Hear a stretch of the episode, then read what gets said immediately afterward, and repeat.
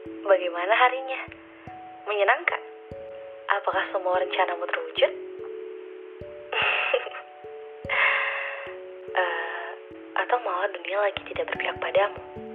Atau ya biasa-biasa saja, sama seperti kemarin. Kali ini, bolehkah saya menyampaikan beberapa hal dulu?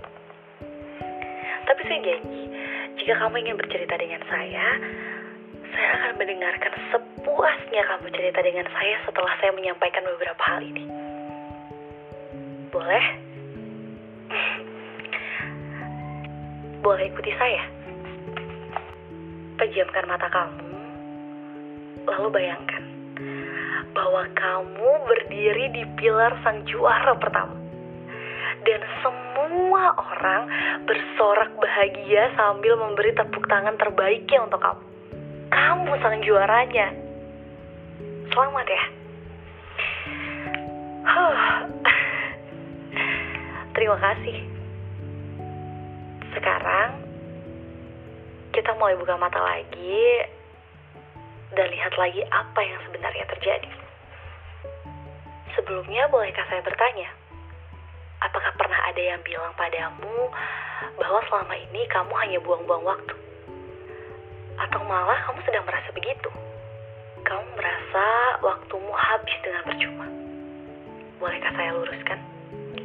Untuk siapa pun kamu yang sedang kecewa hatinya, yang sedang terluka batinnya, yang sedang kacau pikirannya, yang sedang tertunda mimpinya, yang sudah lelah raganya, bahkan yang sudah muak jiwanya sejenak. Percayalah bahwa tidak ada istilah membuang-buang waktu. Karena di setiap waktu kita akan bertemu dengan banyak orang baru. Di dalam waktu, kita bisa punya banyak pengalaman seru. Dan juga dengan waktu, kita bisa menjadi manusia yang lebih baru.